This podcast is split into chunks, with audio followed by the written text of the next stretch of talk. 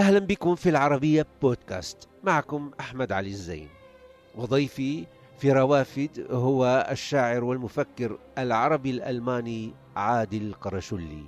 والدكتور عادل هو دمشقي المنبت حملته إلى الضفة المقابلة في ألمانيا. أسئلة ذهب يبحث عن إجابات لها مدفوعا برغبة المغامرة. فقصد ألمانيا وكان يجهل لغتها لكنه سرعان ما أصبح من أبرز شعرائها فهو يحمل الشرق والغرب على حد سواء في قلبه وكتاباته. أهلا بك معي أستاذ عادل.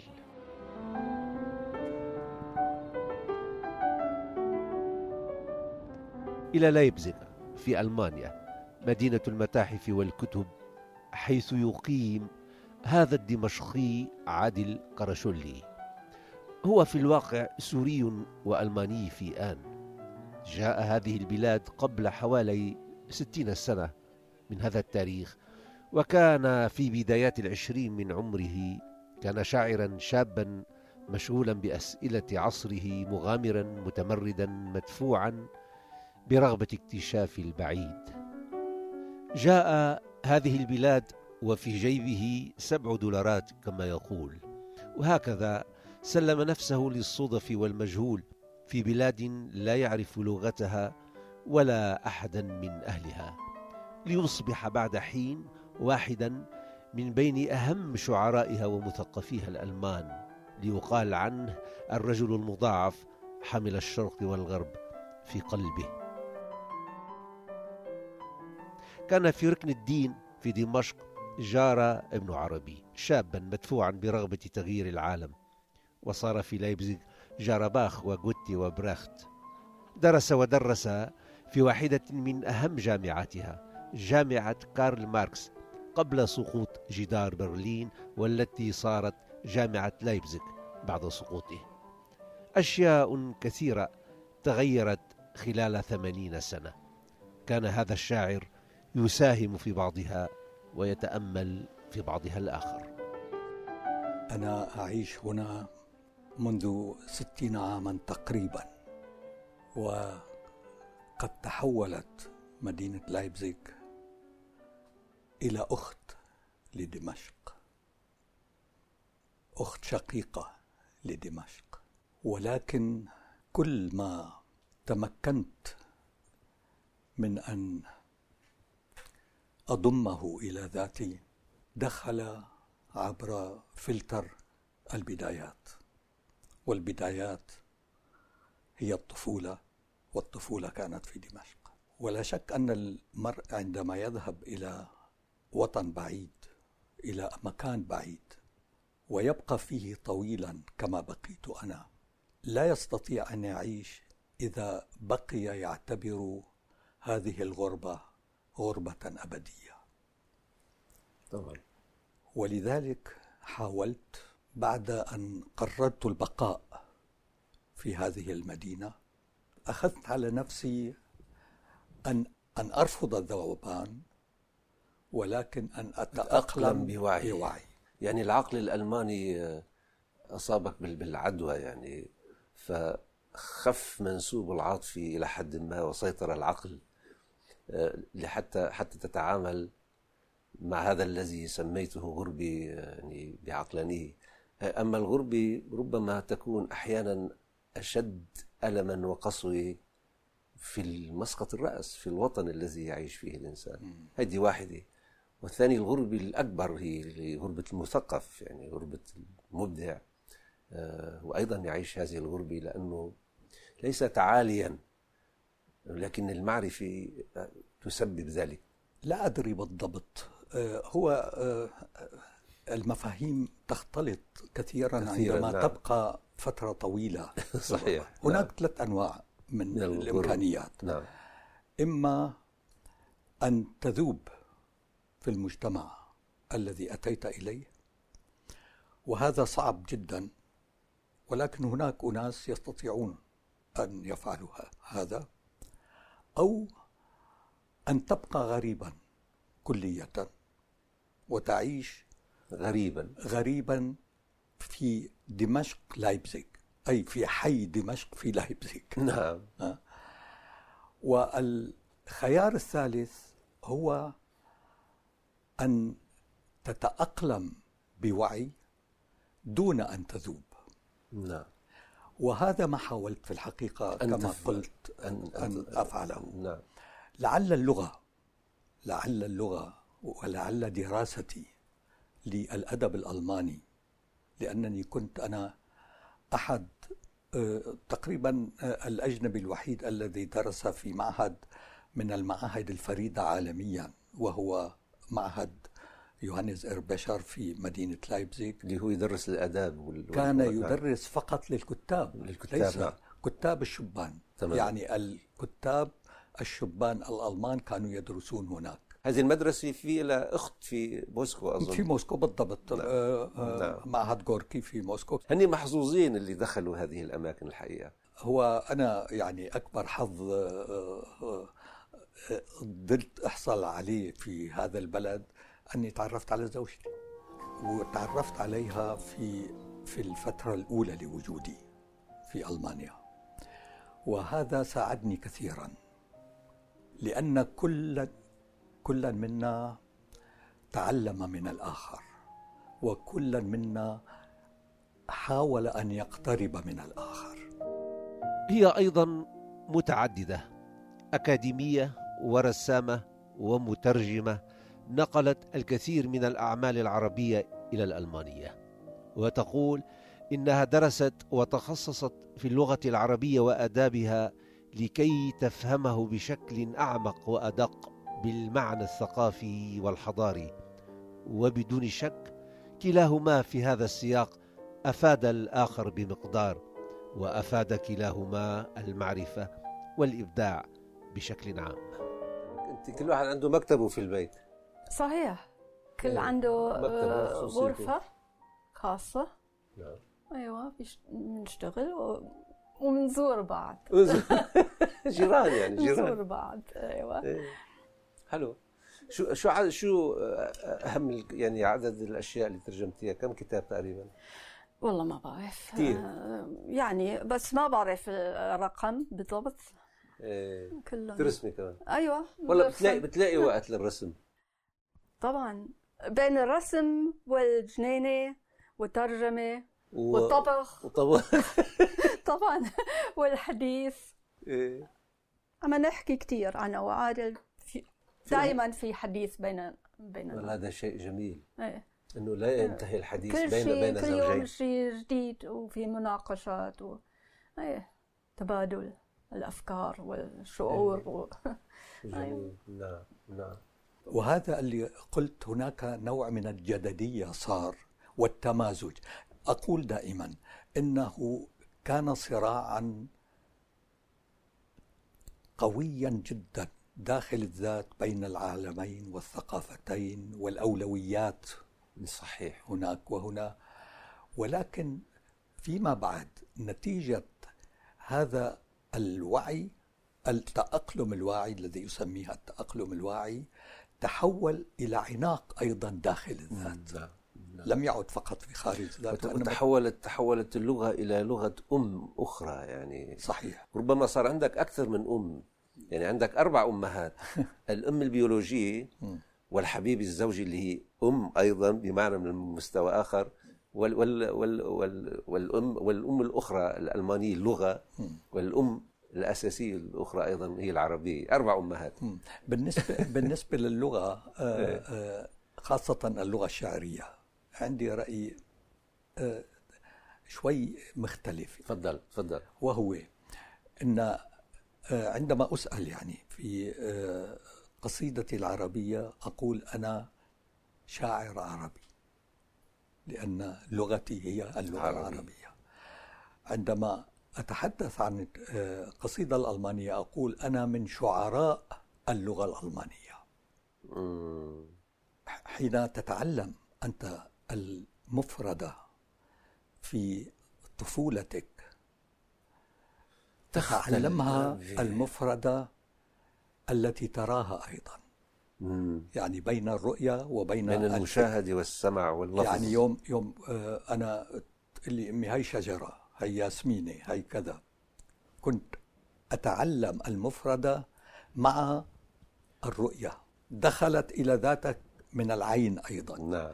أما عندما تعلمت كلمة سنديانا باللغة الألمانية لم أكن أعرف كيف هي سنديانا بس يمكن عملت لك رابيل أو يعني أحالتك على السنديان اللي بتعرفها باللغة العربية. هناك أشياء أنا ما كنت أعرف سنديان في في سوريا. واللغة أيضا خاصة عندما تترجم من لغة إلى لغة يعني المدلول المعرفي في في المفرد تستطيع أن تترجمه. ولكن هناك في الشعر خاصة بعد آخر وهو التاريخ الحسي صحيح. والإيحائي والبعد الذهني والبعد الذهني أيضا نعم. أيوة للمفرد. آه، بغض النظر عن عن البعد الفكري أيضا للمفرد في القصيدة. ولذلك هناك تمايز بعض الشيء نعم. بين اللغتين. نعم نعم. أريد أنا أنا وحدي. لا أطلب ذلك من أحد سواي. أريد أن أضم الحبيبة في آخر العمر كما في اللحظة الأولى. أريد أن أقول كلمتي كما علمتني أمي بكلمة. أريد أن أرمي بلا هوادة زجاجات بريدي في بحار المدن النائمة. أريد أن أتأمل فيما تفعله النملة والنحلة والفراشه أريد أن أهتز حتى أخمص الروح لموال. أريد أن آكل تمرتي الأخيرة بنهم. أريد أن أقول لجاري صباح الخير وأبتسم بمودة. كثيرة هي المدن القائمة على الضفة الأخرى البعيدة التي جاءها شبان في مقتبل العمر من أوطان يقال فيها طاردة لأبنائها لا تتسع لأحلامهم ولا تحتمل أسئلتهم. كثيرة هذه المدن وكثيرون أيضا أولئك الذين توزعوا عليها بعضهم ذاب صوته وتلاشى في صخبها وبعضهم الآخر تضاعف صوته.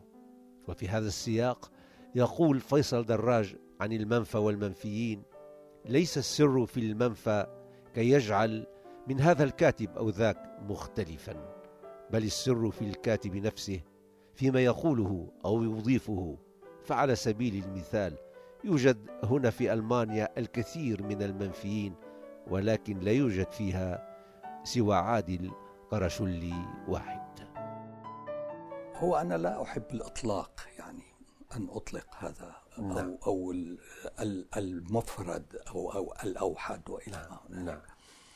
في الحقيقة أنا أعتقد أن كل إنسان هو فرد آه، في إطلاقته هو نفسه أنا مريت يبدو بتجربة وكنت محظوظ من البداية بأني درست في هذا المعهد الذي كان آه، يتفق مع تطلعات البدايات. نعم.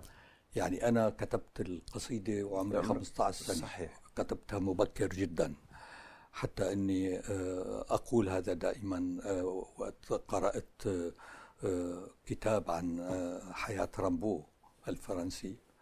وموجودة كانت على الغلاف الذي يعني لم تبلى سراويله على أيوة، الكرسي. أيوة أيوة, أيوة من العبث أن نبلي سراويلنا على مقاعد. الدراسية أي فمنذ أنت بعت كتبك ورحت اشتريت قصائد حسب ما صحيح صحيح. هو أنا كنت محظوظ في الحقيقة ويقال نعم. إنني ضاعفت ذاتي من خلال الكتابة بلغتين. نعم ضاعفت ذاتي. هذا صحيح إلى حد ما. لأنني أيضا انتصفت. يعني أنا لم أستطع أن أتخلى عن اللغة العربية. هناك ناس يستطيعون كتبوا بالألماني وتابعوا في هذا. وكان الألماني هو الذي يعرفهم ولا يعرفهم العربي. أنا يعرفني العربي إلى النصف والألماني يعرفني إلى النصف. هذه مشكلة الانتصاف التي حدثت معي أيضا وهي آه، لا شك أنها آه، ورقة خاسرة كانت في آه، بعض الأحيان. يعني. يعني أنا أتوجه كنت إلى مخاطبين. أنا أفرق بين, بين المتلقي والمخاطب. المتلقي هو القارئ هو هذا عنصر سوسيولوجي أنا أستطيع أن أعرفه يعني اللي يذهب ويشتري الكتاب هذا المتلقي أما المخاطب هو الذي تقصده بالضبط هو نعم. العنصر السيكولوجي الذي إليه نعم. العنصر السيكولوجي الموجود داخل صح. الذات تمام. وبالنسبة للكتابة بلغتين هذه معضلة كبرى لأنني عندما ترجمت قصائدي العربية إلى الألمانية لاقت قبولا منقطع النظير. يعني أصبحت واحد من المعروفين جدا خلال آه، سنتين.